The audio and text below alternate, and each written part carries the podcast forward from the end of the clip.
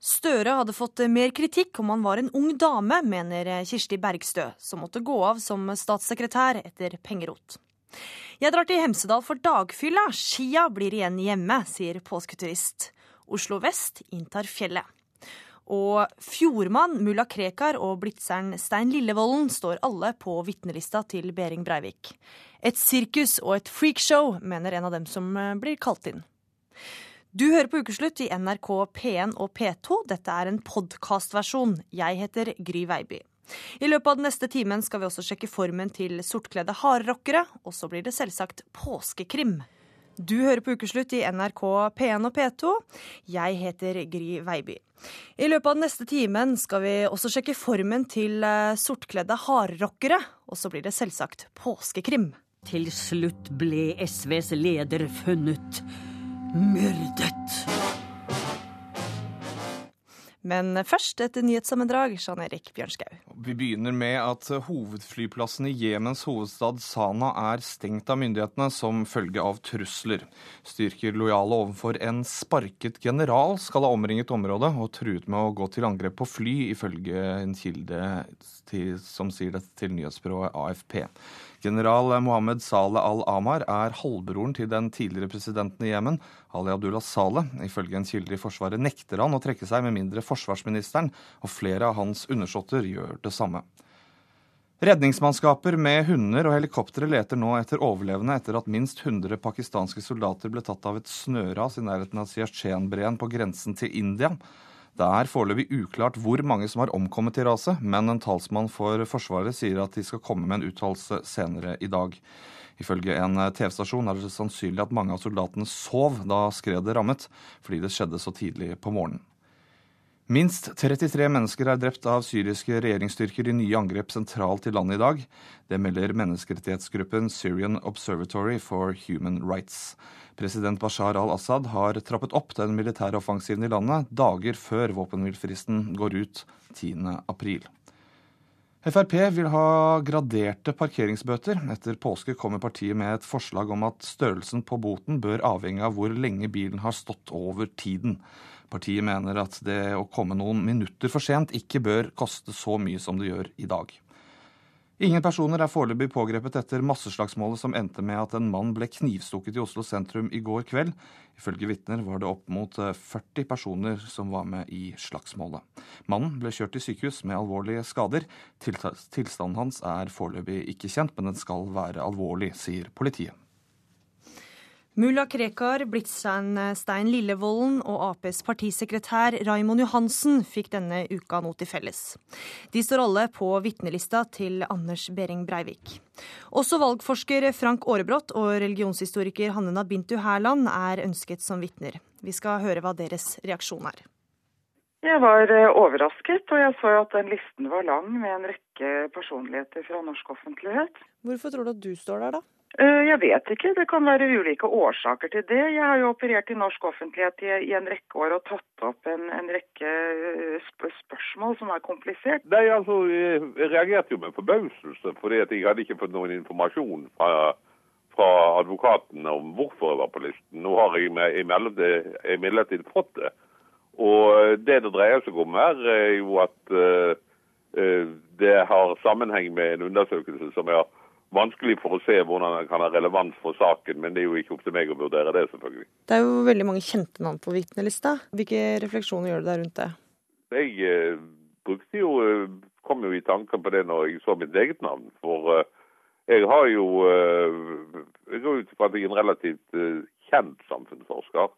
Det er jo andre samfunnsforskere som har eh, arbeidet mer med den problematikk som kan belyse saken. Og når en da ser en del politikere som ligger i, i ytterkanten av det politiske univers, sånn som Terje Tvedt eller uh, mulla Krekar, så, så, så, blir man jo litt som Tenker man i retning av, av, av sirkus eller freakshow, mer enn uh, opplysning av saken. Hege Ulstein, kommentator i Dagsavisen. Et sirkus kaller Aarebrot vitnelista. Er du enig i det? Det vil vise seg om det blir et sirkus eh, når rettssaken er i gang, tenker jeg. Det er, en, eh, det er en liste med veldig mye rart. Eh, litt sånn blanda drops. Men det er opp til dommeren å styre utspørringene av disse vitnene og eventuelt avbryte hvis, hvis ting går i helt feil retning. Rettens administrator kan jo si at nå, nå, er det nok, og dette er ikke relevant for saken, mens disse personene står i, i vitneboksen. Og det tror jeg at dommeren kommer til å gjøre. Jeg tror de kommer til å styre dette med ganske hard hånd. Fordi Et av navnene mange stusser over, er jo mangeårig Blitz-aktivist Stein Lillevolden. Hvorfor er han der, tror du? Ja, Vi kan jo bare spekulere på hvorfor, uh, hvorfor, disse navnene står på lista. Vi vet jo ikke. Men det kan jo tenkes at Eh, Behring Breivik eller, eh, eller, forsvarerne hans har tenkt at, at, han skal på en måte vise at venstresiden også er voldelig, eller den type ting. Han har jo vært med på en rekke eh, aksjoner i Blitz-miljøet tidligere. Så vi får se, men det, det, kan jo tenkes at det er noe sånt som ligger bak at han står der. Mm. Forsker ved Høgskolen i Oslo og Akershus, Lars Gule. Du er også en av dem som står på vitnerista. Hvordan reagerte du på det? Nei, jeg tok det til etterretning da jeg ble oppringt av eh, Dagbladet og ble informert om at jeg sto på den lista jeg har i ettertid, fått det bekrefta. Mm. Uh, og jeg har for så vidt uh, stor forståelse for hvorfor man har uh, bedt meg om å avgi forklaring, fordi jeg har jo uttalt meg om Eh, denne saken, og jeg har også møtt i gåseøyne Anders Behring Breivik på internett. Eh, så her vil man vel kanskje at jeg skal si noe om hans eh, synspunkter skiller seg ut, eller om de deles av mange andre i internettdebatter. Mm. Tror du det er han selv som ønsket deg som vitne? Det vet jeg ikke. Umulig å si. Ja. Uh, Ulstein, hva er, det, hva er det han vil oppnå ved en så variert liste? Nei, Hvis du ser på navnet som står der, så er det jo mange, mange ekstreme islamister, jihadister. Og så er det eh, noen som også da åpenbart kan si noe om, eller deler hans eh, oppfatninger om, eh, om, islam og multikulturalisme og den type ting. Så jeg tenker at uh, det denne lista forteller oss, er at uh, forsvarer Lippestad og Anders Behring Breivik har bestemt seg for nærmest å snu bevisbyrden og gå inn for å bevise eh, det de vil, nemlig at han er tilregnelig. At han, eh, at han kan straffes og ikke skal dømmes til psykisk eh, helsevern. Og det stusser jeg litt over, fordi det hadde de jo ikke trengt å gjøre. Det, altså, det virker som de tar seg litt vann over hodet, rett og slett, når de eh, ikke bare nøyer seg med å så tvil over og rundt spørsmålet. For det hadde holdt. Altså, de kunne sådd tvil om han er tilregnelig. Og det, hvis de hadde sådd nok tvil rundt det, at, det ikke, at, man ikke kunne slå det sikkert fast, så hadde de på en måte oppnådd det de ønsker, nemlig at han ikke kan da dømmes til tvungent psykisk helsevern og, og kjennes strafferettslig utilregnelig. Men i stedet så virker det som om de går eh, hele veien og ønsker å sette to streker under svaret og si at uh, han er tilregnelig, og det skal vi bevise. Og det ja, jeg, jeg, ser ikke helt poenget med det, rett og slett. Mm. Gule, vil, vil, en person som Krekar eh, som vitne underbygge Behring Breiviks eh, verdenssyn, tror du? Til en viss grad så kan han gjøre det. Mulla Krekar tilhører eh, det internasjonale jihadistmiljøet, men han er likevel en litt spesiell figur i dette miljøet, siden mulla Krekar sin arena, for å kalle det det, og hjemmebane, det er irakisk Kurdistan. Han ønsker altså eh, en islamistisk stat i, eh, i Nord-Irak. Mens den breiere internasjonale jihadismen, den har en eh, mer pan-islamsk agenda, og ser dette som en global kamp. Det er da speilbildet av det, den kontrajihadismen som Anders Behring Breivik representerer, slik at andre som også står på vitnelista, vil kunne bekrefte kanskje bedre eh, Behring Breiviks eh, virkelighetsoppfatning enn det mulla Krekar vil gjøre. Mm. En av dem vil da kanskje være Fjordmann. Hva slags spørsmål tror du han vil eh, kunne få i retten, Gule? Nei, Han vil jo helt sikkert bli spurt hvor, hvor sammenfallende hans egen analyse av virkeligheten er med det som vi ser i manifestet til Behring Breivik. Og det vil jo bli noe problematisk for denne bloggeren Fjordmann, fordi mye av det Behring Breivik skriver, det baserer seg nettopp på eh, Fjordmann sin analyser. Og han har jo også klipt en lang rekke artikler og kommentarer fra Fjordmann inn i manifestet. Hmm. Ulstein, på tirsdag kommer rapporten fra de nye sakkyndige som vil ta stilling til om Behring Breivik var tilregnelig eller ikke. Hva kan vi vente oss da? Det er helt umulig å si, men det, blir, det er veldig avgjørende og veldig spennende å se hva som står i den rapporten. Dersom, dersom det står at, at, han er utilregnelig også der, så tror jeg løpet er kjørt mer eller mindre. Da, da kommer det til å ende med en dom på tvunget psykisk helsevern og at han kjennes utilregnelig. Jeg ser vanskelig for meg at retten kan se bort fra det. Men, men hvis den kommer til en motsatt konklusjon enn den vi allerede har på bordet, at han er tilregnelig, så, så blir jo dette et veldig viktig spørsmål, selvfølgelig, i rettssaken. Og jeg mener jo også at denne nye rapporten er grundigere, den er bredere. Den, de har uh, hatt døgnkontinuerlig observasjon, uh, har en, hatt muligheten til å gjøre en mye grundigere jobb. sånn at i utgangspunktet så bør jo den da også veie tyngre enn den første rapporten. Og som sagt, hvis den da viser, påstår at han er tilregnelig, så, så vil, vil det bevege saken i den retningen. Og da syns jeg også det blir pussig å bare ha tre dager i, i, retten til å behandle det spørsmålet sånn som, sånn som, det er satt opp nå. Da mener jeg at retten må bruke mer tid på det spørsmålet enn det de har planlagt. Mm. Dette får vi også vite på tirsdag, hva den nye rapporten kommer fram til. Takk for at dere kom til ukeslutt, Hege Ulstein og Lars Gule. For eh, mange betyr ferie på påskefjellet festing døgnet rundt. Ukesluttsreporter Elisabeth Onsum møtte utelivskongen Sverre Goldenheim, som tar med seg Oslo vest til Hemsedal for å sprette champagnen.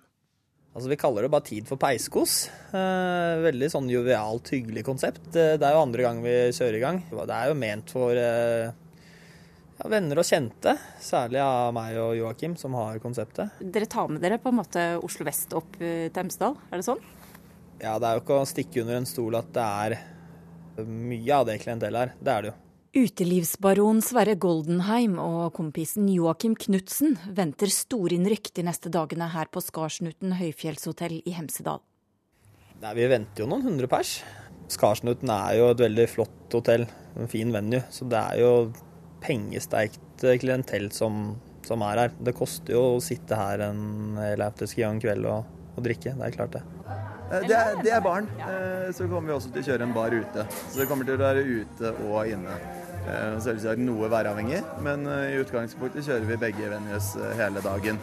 Og kommer også til å ha en nattklubb her oppe på kvelden. Hvor er peisen egentlig?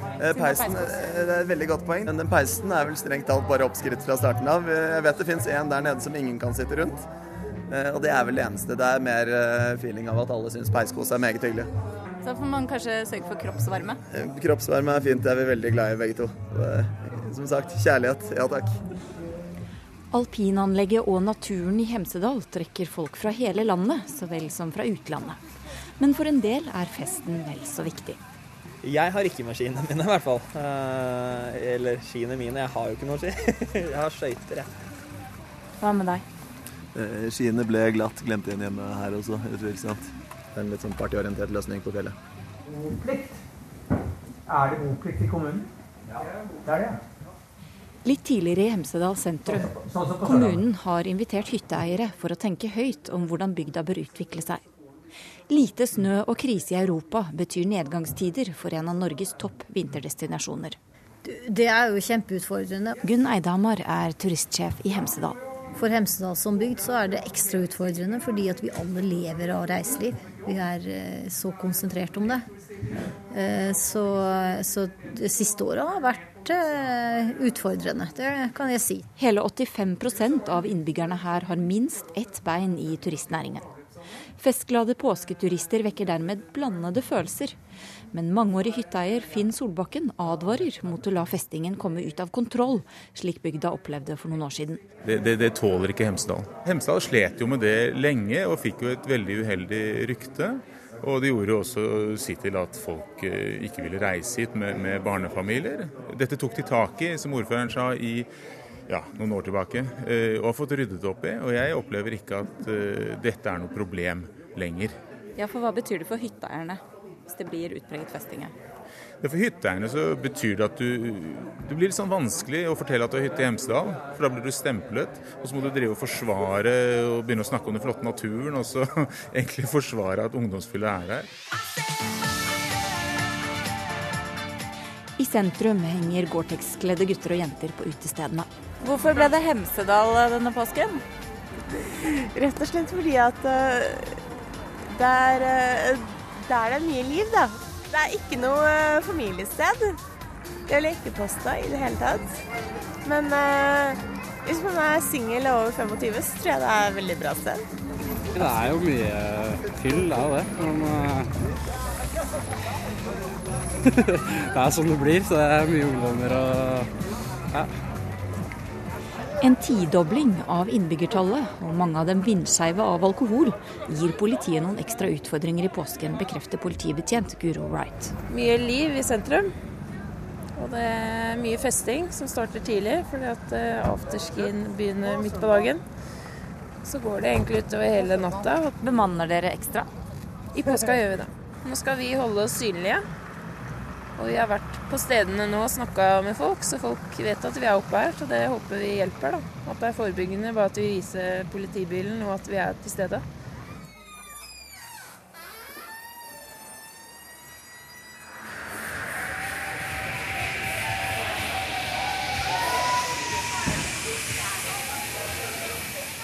Fullstendig kvitt partystempelet sitt er altså Hemsedal kanskje ikke. Noen hundre meter opp i bakken på Skarsnuten hotell er i hvert fall festen i full gang. Ja, Hvorfor er dere her? Vi drikker fulle og ferdig. Nei, nå skal jeg svare. Eh, vi er her for å feste og ha det morsomt. Ja. Og litt fordi hun er singel. Eh, spesielt fordi jeg er singel. Det er du glad for? Det er, jeg er veldig glad for at hun er singel. Det er helt sikkert. Men hva tenker du at du får her som ikke du får eh, f.eks. på Solli plass, eller hvor du pleier å gå ut? her? Eh, dagfylla spesielt.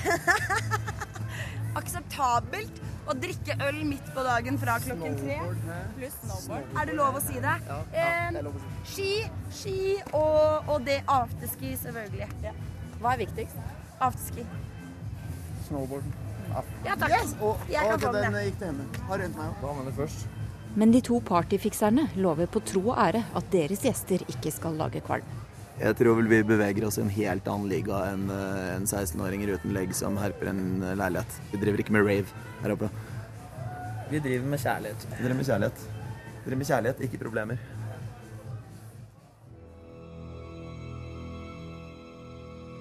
Vi skal eh, holde oss til fjells. For det blir drama når Petter Stordalen inviterer Fiffen til påskefest på sitt nye luksushotell.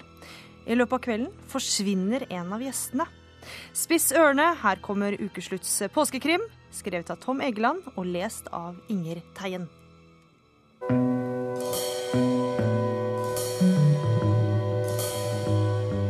Blodrød og tung skimret påskesolen over hvite vidder og kneisende tinder. Én etter én stanset de sorte biolimousinene utenfor det fasjonable høyfjellshotellet. Øverst på trappen sto Petter Stordalen, iført et snertent påskekyllingkostyme, og ønsket velkommen til påskeparty. For å markere åpningen av Økotoppen spa- og miljøhotell hadde Stordalen invitert et celebert knippe politikere og milliardærer, samt noen av landets fremste A-kjendiser. Ja, altså mest for å lokke mediene, da, så klart. Like lyn blinket pressefotografenes blitslamper mot gjestene. På rekke og rad kom de. Jens Stoltenberg, Jonas Gahr Støre og Grete Faremo. Tett fulgt av SV-leder Audun Lysbakken. Økososialisten Erik Solheim kom skridende sammen med SV-håpene Inga Marte Torkelsen, Bård Vegar Solhjell og Heikki Holmås samt milliardærene Øystein Streisbetalen og Trygve Hegnar. Bak dem igjen kom stylisten Jan Thomas, fulgt av Eilar og Petter Northug. Tone Damli Aaberge kom blussende, hånd i hånd med Aksel Hennie. Ja, den eneste som manglet, var uh, mulla Krekar. To og to ble gjestene innlosjert på dobbeltrom. Stoltenberg og Støre delte rom, Torkelsen og Farmo, Lysbakken og Solheim, Solhjell og Holmås, Aaberge og Henny, Hegnar og Spetalen, Aylar og Mm, Ja, og så videre og så videre. Dag ble til kveld, og kveld ble til natt. Petter Stordalen hadde samlet sine gjester i hotellets stemningsfulle og miljøvennlige e-bokbibliotek. Der holdt han foredrag om bærekraftig eh, økokapitalisme. Eh, Med all respekt, sa Erik Solheim. Dette våset bør Audun Lysbakken svare på. Men hvor er Audun? Ingen hadde sett SV-lederen på en halv time. Dermed bega alle seg ut på leting i hotellets kriker og kroker. De lette her, og de lette der. Og til slutt ble SVs leder funnet myrdet. Han lå på gulvet på hotellrommet sitt i første etasje. Døren var låst. Vinduet var knust. Snøen på bakken utenfor vinduet var dekket av glasskår. Ikke et fotspor å se. I hånden holdt Lysbakken et flere meter langt, hvitt bånd. Som en annen Sherlock Holmes påtok Erik Solheim seg straks detektivrollen. Vi er alle mistenkte, sa han solidarisk og samlet gjestene i biblioteket. Hvem, spurte Solheim, har alibi for den siste halvtimen? Det hadde visst alle. Jens Stoltenberg, Jonas Gahr Støre og Grete Farmo ga hverandre alibi. Øystein Stray Spetalen, Petter Stordalen og Trygve Hegnar hadde diskutert norsk skattepolitikk med Inga Marte Torkelsen, Bård Vegar Solhjell og Heikki Holmås. Tone Damli Aaberg og Aksel Hennie hadde ikke veket fra hverandres side. Jan Thomas, Eilar og Petter Northug hadde eh, spilt poker. Et knust vindu. Et langt, hvitt bånd som Audun holdt i hånden, sa detektiv Solheim.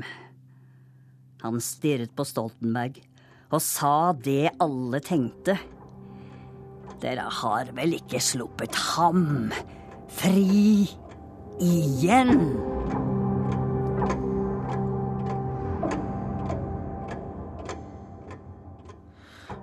Løsninga på den høyst oppdikta kriminalgåten får du til slutt i sendinga. Det var Eli Kyrkjebø som har produsert krimmen. Hun fikk eh, skylda for eh, pengerot i Barne-, likestillings- og inkluderingsdepartementet, og gikk av samtidig som Audun Lysbakken. Nå er hun tilbake i hjemkommunen Nesseby i Finnmark. Og Kirsti Bergstø, hvordan er det å være hjemme? Det er veldig godt å være hjemme. Det er alltid godt å komme hjem til Finnmark, og nå har vi jo strålende eh, påskesol og herlig skiføre. Eh, Så det er godt å komme hjem til folk og fjellene og fjorden her. Vi skal ta et tilbakeblikk til 5. mars i år. Jeg er tilhenger av at feil må få konsekvenser. Jeg har ansvaret for de feil som er begått, og jeg tar ansvaret. Jeg har derfor orientert statsministeren om at jeg har tatt den beslutning at jeg ønsker å gå av som statsråd. Etter flere uker med kritikk og medieoppmerksomhet går Lysbakken av som minister. En av grunnene til det er at det SV-styrte departementet bevilga penger til Jenteforsvaret, en gruppe med sterk tilknytning til SVs ungdomsorganisasjon. Og Bergstø, hvordan eh, var denne dagen for deg? 5. mars var jo en underlig dag, fordi det var dagen statsråden hadde valgt å gå av, eh, og jeg gikk av sammen med han. Eh, Så den dagen handla rett og slett om å følge med på pressekonferanse, ta en del ut av de telefonene som, som ringte, eh, og så begynne å, å pakke ned fra, fra kontoret. Fordi det er jo sånn at enten så er du inne, eller så er du ute når du er politiker. Hvordan var det å se sine egne e-poster på trykk i Dagbladet? Altså, det er jo eh, underlig, men jeg tror fremfor alt at det var veldig underlig for alle de ungdommene som har henvendt seg til departementet, og som ikke tenker gjennom et profesjonelt språk, og som eh, fremfor alt vil, vil eh, få gjennomslag for ting de tror på. Hvordan var det å få hele Norges oppmerksomhet retta mot seg, da? Det er jo en uh, underlig situasjon, men uh, særlig når uh, saken tok de vendingene den tok, og man så at det som ble fremstilt i media ikke nødvendigvis sto i stil med det som var sannheten i saken, så må man bare forholde seg til at at det av og til oppstår to parallelle virkeligheter. Den ene er den man kjenner til og kan detaljene i, og det andre er eh, den som, som, utspiller seg i, i, media. Og sånn var det i hvert fall i, den, i denne saken. Mm. Du er jo som sagt, ble jo trukket fram som den som gjorde noe galt. Hvordan var det, var det, var det å stå på sidelinja i en sak der du er så sentral?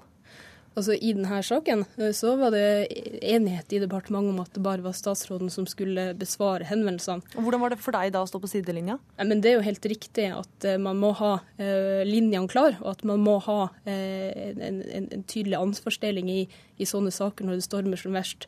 Og Det er jo mange ting man gjerne skulle kommentert, men den eneste hensikten den ville med å få flere av oss i tale, var jo å forsøke å sette oss opp mot hverandre. Mm. Uh, og det ville jo ikke tjent verken uh, oss eller, eller, eller, saken i, det hele tatt. Hva er det verste noen har sagt eller uh, skrevet om deg i denne saken?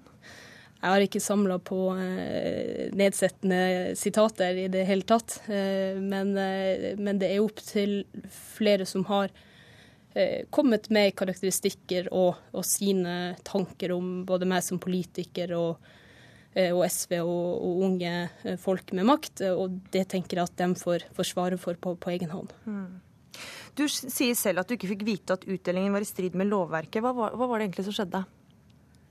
Altså, det som er viktig i denne saken, er at det aldri har vært en plan om at noen organisasjoner fremfor andre skulle få de her midlene, eller at, eller at tildelinga skjedde i, i strid med lovverket ut fra en bevisst plan. Mm. Det er jo noe vi, vi oppdaga i ettertid. Det er sikkert mange nå som hører på som ikke skjønner at du ikke instinktivt skjønte at det er feil å gi penger til en gruppe med tilknytning til ditt eget parti, uten at pengene var lyst ut offentlig. Hva sier du til det? Først det lyst ut offentlig. altså Da vi bestemte oss for at eh, miljøer heller kunne søke, eh, så handla det også om at man mente å ha god nok kjennskap til aktuelle miljø eh, på, på, på det tidspunktet. Uh, og at det ble vurdert som at det ikke var behov for en, en bredere utlysning enn en det, som, uh, det, som, ble gjort. Mm. Men i forhold til tildelinga til Jenteforsvaret, uh, så var de på søkertidspunktet en selvstendig organisasjon. det som var feilvurderinga, var at, at vi ser at det var grunn til å stille spørsmål med om det var for tett tilknytning til SU likevel, siden veldig mange ut av de som var eh, sentrale aktører i Jenteforsvaret, også var det i SU. Burde byråkratene vært tydeligere ved å advare dere mot denne utdelinga? Byråkratene gjorde absolutt sin jobb. Altså, de eh, stilte spørsmålstegn ved om, om eh, det var for, eh, for tette bånd. Mm. Du, men, du, men, du, tenkte aldri at det var for nær, nær tilknytning? I ettertid så ser jeg at det er grunn til å stille spørsmål ved det. Mm. Og, at, og, at, det var en, en, en vurdering som burde vært gjort annerledes. Det ser jeg absolutt. Det har siden Lysbakken ikke har dukket opp saker som stiller spørsmål ved habiliteten til utenriksminister Jonas Gahr Støre. Får han annerledes behandling enn det dere fikk? Altså, media gransker jo alle saker, eh, men det er jo betegnende at eh, de som står i kø for å komme med både karakteristikker og, og kommentarer og, eh, og, ganske grove konklusjoner uten å nødvendigvis ha satt seg inn i saken, dem er det rimelig stille ifra eh, nå. Ja, hvorfor er det sånn? Hvorfor er det stillere fra dem nå? Ja, det tror jeg først og fremst dem må, må uh, få svare på. Mm. Uh, og hvem er de? Altså, det er jo alt fra Kåre Willoch til min tidligere partikamerat Ola Gunnar Ballo, og til politikere av, av ymse, og, og, ikke minst kommentatorsjiktet av, av ymse sort. Mm. Eh, og det ble jo eh, særlig fremheva at vi var et ungt eh, lag. Vi var et ungt politisk lederskap. Og det at det er så lett å gå til frontalangrep på en ung kvinne når, når det er storm, mens man ja, holder seg litt i bakgrunnen når det er snakk om en, en, en, en mann på, på deres egen alder, så, så syns jeg at det kan gi uttrykk for Eh, for at det i hvert fall var en kjønnsdimensjon eh, i den saken som, som nå er forbi. Så det hadde vært annerledes om du hadde vært en mann i 50-åra f.eks.? Jeg tror jo at, eh, at det alltid er en, en kjønnsdimensjon, også i hvordan man blir oppfatta i offentligheten, hvordan man kan tillate seg å beskrive folk, og at alder er lettere å, å, å sette på, på kvinner enn på menn. Hva er planene framover nå, Bergstad? Ja, nå skal jeg jo spenne på meg skiene og nyte påskesola i Finnmark. Eh, og så får vi se eh, over påske hvordan det blir med, eh, med, med jobb og, og, den slags. Eh, og så er det jo ingen tvil om at jeg kommer til å være aktiv i politikken, eh, både her i, i, i, i og også i, i Finnmark for øvrig. Kommer du tilbake sentralt da? Ja, Det er jo først og fremst opp til partiet og deretter folk i Finnmark å bestemme. Men det er ikke visjonene det står på. Nordmenn er i så dårlig form at det går på helsa løs. Det kom fram da nestleder for Nasjonalt råd for fysisk aktivitet slo alarm denne uka. Ukeslutts reporter Eivind Våge dro til hardrockernes påskefestival Inferno for å sjekke formen til to tilfeldig svartkledde. Klar og kjør. Ut sammen, ut sammen. Ja, nå er jeg snart 40. Jeg merker jo at liksom eh, tyngdekraften eh, begynner å gjøre sitt. Så jeg prøver liksom å, å prøve egentlig å være litt bevisst på det. Så. Trening og sånt, når du er såpass ødelagt i kroppen som jeg er, så er det jævla lite du kan gjøre. Altså, jeg liker å svømme, men det hjelper jo ikke når du flyter, da. De er ærlig talt ikke verdens best trente. De to hardrock-tilhengerne jeg går ved siden av på vei til treningsstudio med. Hei sann, DJ Satan heter jeg. Jeg er Hilde Hammer. Hei, det er Puddingen her. Jeg driver butikk i Oslo som driver med rockeklær. Hilde Hammer og Kjell Ivar Himseth med kallenavnet Puddingen har tatt pause fra Infernofestivalen i Oslo for å teste formen sin hos en personlig trener. Hva er typisk vanlig kosthold for deg? Kjøttmat. Og det innebærer? Kjøtt, bacon, ost, løk. Ferdig med det. Jeg spiser pizza. Så å si hver dag. Det er ikke så bra. Veldig mye pizza, altså. Mange nordmenn er i så dårlig form at det rett og slett er helsefarlig, slo idrettsprofessor og nestleder i Nasjonalt råd for fysisk aktivitet Jorunn Sundgodt Borgen fast denne uka. Resultatet av at så mange unge og voksne sitter altfor mye, er at flere utvikler alvorlige livsstilssykdommer. Derfor går vi nå inn dørene på Harald Skum, jeg, DJ Satan og Puddingen, for å møte ei dame som har peiling på trening og kosthold. Hallo, hallo. Hei. Lene Alexandra Øyen er artist. Og personlig trener. Hvor mye trener du da? Nei, jeg trener ingenting, men jeg går masse, da. Ja, men gåing er faktisk undervurdert, syns jeg. Hvis man går mye, og i tillegg eh, legger om kostholdet litt, da. Fordi kostholdet er jo ofte 70 da. Mm. Og det er eh, ja, litt for mange fristelser der ute, så det er jo kanskje det. Hilde har lyst til å få vekk en mage hun mener har blitt litt for stor. Men puddingen Kjell Ivar er litt mer i det skeptiske hjørnet. Hvorfor skulle du trene? Eh, Nå er det helsemessig. Jeg har ikke noe problem med å være feit, men det har gått på helsa løs, liksom. Ja. Når jeg ble 120 kilo, så tatoverte jeg bred lass på ræva og syntes det var dritfunny. Men OK, nok snakk. På tide å trene. Teste noen øvelser, da. Har du noen litt rocka øvelser? Litt rocka øvelser. Jeg syns at styrketrening, det, det er jo veldig rocka. Øvelse én få rumpa på plass. Hva slags øvelse er dette? Eh, Det er gående utfall, så det er for bena, da, i tillegg til at du jobber med core-muskulaturen samtidig. Hilde tar lange skritt og går dypt ned mot gulvet. Det var bra. Ja, det var veldig bra. De fleste vil jo gjerne ha litt tak på rumpa, så den løfter seg litt. Ja. Kjell Ivar, altså puddingen, har høyt blodtrykk. Derfor er han tilskuer, mens det er Hilde eller DJ Satan som står for treninga. Sånn, ja. Fint. Øvelse to heis deg opp. Uff, sånn jeg skal heise meg opp. Klarer du det? Det er veldig avansert. Men det var gøy å se om du kunne det. Jeg tror ikke jeg gleder meg på så ikke magen kommer. Nesten én, da. Ja. Øvelse tre får sixpacken fram. Bare legger det her. Senker beina ned. Korsryggen holder du i benken. Og Opp. Når gjorde du en sånn øvelse sist? Midten av 80-tallet. Ikke sant? Så det er nettopp det. Og det vil jo bli enklere for hver gang du gjør den. Så den her kan du jo begynne å gjøre hjemme i stua nå. DJ Satan består testen med glans. Med litt mer farge i ansiktet enn da vi først møttes. Puddingen fremdeles litt skeptisk. Men kom inn, og det er mye musikk og sånt, så er det jo helt feil musikk da, for mange som er metallduer. Ja. Og da er det å få den derre du, du, du, du. Åh, da, Det hjelper jo ikke på. treningstimen er over, på tide å få et siste tips på vei ut døra. Gå litt mer turer, få inn noe core- og magetrening. Det kan man gjøre hjemme på stuegulvet. Og så spise litt mindre sukker, drikke litt mindre alkohol og kose seg en gang i uken og få åtte timers søvn. Trenger ikke å være verre enn det i starten, altså. Tror dere at dere kommer til å ta med dere dette videre? Har det vært en inspirasjon? DJ Satan, Veldig. Absolutt. Puddingen, Må jo tenke hver gang, men eh, det er jo det, hvor vanskelig skal man være? Så vi får se.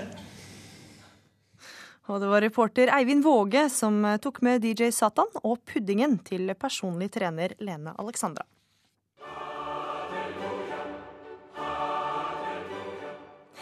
For eh, mange er det en sterk opplevelse å komme til eh, Jerusalem, for eh, noen tipper det over. Jerusalem-syndromet rammer flere i påska enn ellers i året. Og religionshistoriker Hanne Eggen Røiselien, hva er Jerusalem- Jerusalem-syndromet? Det er, et, eh, det er et begrep egentlig for psykiatrien. Det er for de som er i Jerusalem som eh, blir så grepet av byens hellighet. på en måte, At, den, eh, at de begynner å identifisere seg veldig sterkt med religiøse figurer som holdt på å si, forbindes med Jerusalem. At de blir Jesus, at de forestiller seg at de er frelseren kong David og den type ting.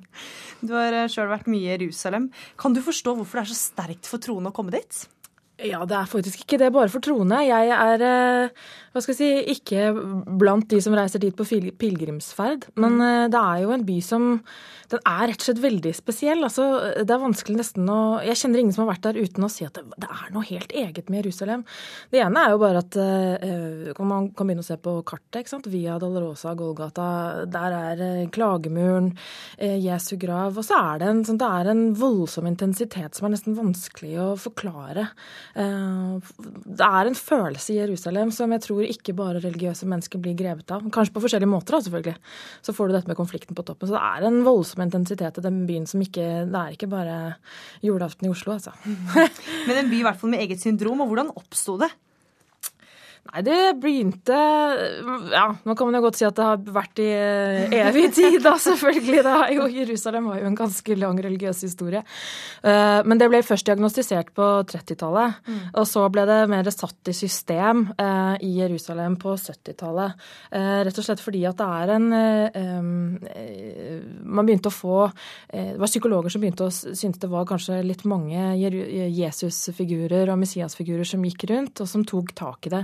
De har opprettet en egen klinikk i Jerusalem også for behandlingen av nettopp dette syndromet. Eh, De, gjorde seg, de slo seg rett og slett litt opp og fram. Det er to kjendispsykologer som er eksperter på Jerusalem-syndromet. Men så, vi får jo si hvor lenge det eh, Det har vært systematisert, i hvert fall, siden 70-tallet. Hvordan behandler man da noen som er rammet av dette? her? Nei, det kan du jo si. Eh, Det er jo eh, det er veldig forskjellig akkurat hvordan man behandler. For jeg er religionshistoriker, psykologen får behandle Ja. snakke om selve eh, behandlingsformen.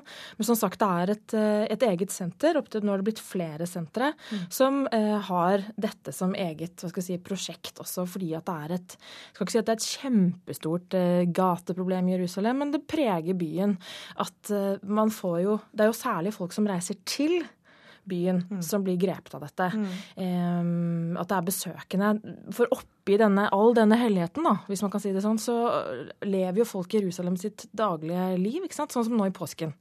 Så er det jo kjempefullt i Jerusalem av tilreisende som nettopp er der pga. disse hellige stedene. Men samtidig så driver jo f.eks. palestinerne, som driver det meste av si, businessen i gamlebyen, eh, sin, sin daglige dont, som gjør at de, de har jo, hva skal vi si, eh, de utsalg fra boder i basarene. Og så må man rydde unna basaren mens det går den ene etter den andre forbi med kors, ikke sant, og som uh, får en opplevelse på, som stopper på disse ulike postene via Dolorosa. Og så rydde tilbake og prøver å fortsette handelen, og så flytte på det igjen. Det er klart at dette preger jo hele byen. Og så gjør det det nå både i påsken, og det kommer et sånn Eh, Jerusalem-syndromet er kanskje veldig knyttet til ikke bare påsken, men til høytidene. Det er flest som kommer dit av kristne nå, og da blir det særlig påsken. Vi har det også en del i julen. Men selvfølgelig også for eh, Og derfor så får de det også på forskjellige steder. I påsken så er det da veldig rundt Jesu gravplass, Mm. altså denne kirken. Eh, men man får jo også jøder som kommer tilreisende. Der får man et mye større hva skal jeg si, antall ved klagemuren. Så er det også for muslimer andre steder. Så man får liksom forskjellige steder etter forskjellige høytider og hvilke typer religioner. Eh, så blir de da hentet inn til dette senteret, da, som ligger i utkanten av Jerusalem. Og blir behandla, tilbringer eh, høytidene der. Ja. Takk for at du var med i Ukeslutt, eh, Hanne Eggen Røiselien. Du får snart løsninga på påskekrimmen, men først en annen påsketradisjon, nemlig påskequiz. Hei, det her er Påskelabyrintens Viggo Valle. I dag ukeslutts quizmaster. La meg presentere deltakerne. Dag Rune Eriksen er første nestleder i Kristelig Folkeparti. Fabian Stang, tidvis ordfører i Oslo, tidvis påsketurist. Erik Solheim heter jeg, tidligere miljø- og utviklingsminister. Mitt navn er Trine Skei Grande og jeg representerer Venstre og Oslo på Stortinget. Jeg heter Dag Terje Andersen og jeg er stortingspresident. Første spørsmål. Hvorfor feirer vi påske? Vi feirer påske fordi at Jesus ble hengt på korset og sto opp igjen. Helt rett, Dagrunn! Det gjør vi eh, fordi at eh, Jesus eh, døde og gjenoppsto fra de døde. Det er det som blir markert gjennom påska. Korrekt. Det er for å Ja, det, i den kristne tro skyldes det at Jesus ble hengt på korset i Nasaret. Også Oslo-ordføreren klarte dette spørsmålet. Det burde være barnelærdom for alle. Vi feirer påske fordi Jesus ble korsfestet eh, på langfredag, og fordi han sto opp igjen fra de døde eh, på tredje dag. Og dette er den viktigste begivenhet i hele verdenshistorien. Flinkeste gutt i klassen, Erik Solheim. Jeg feirer påske pga. at Jesus sto opp. Bra, bra. Vi går videre. Spørsmål nummer to. Når sto Jesus opp fra de døde?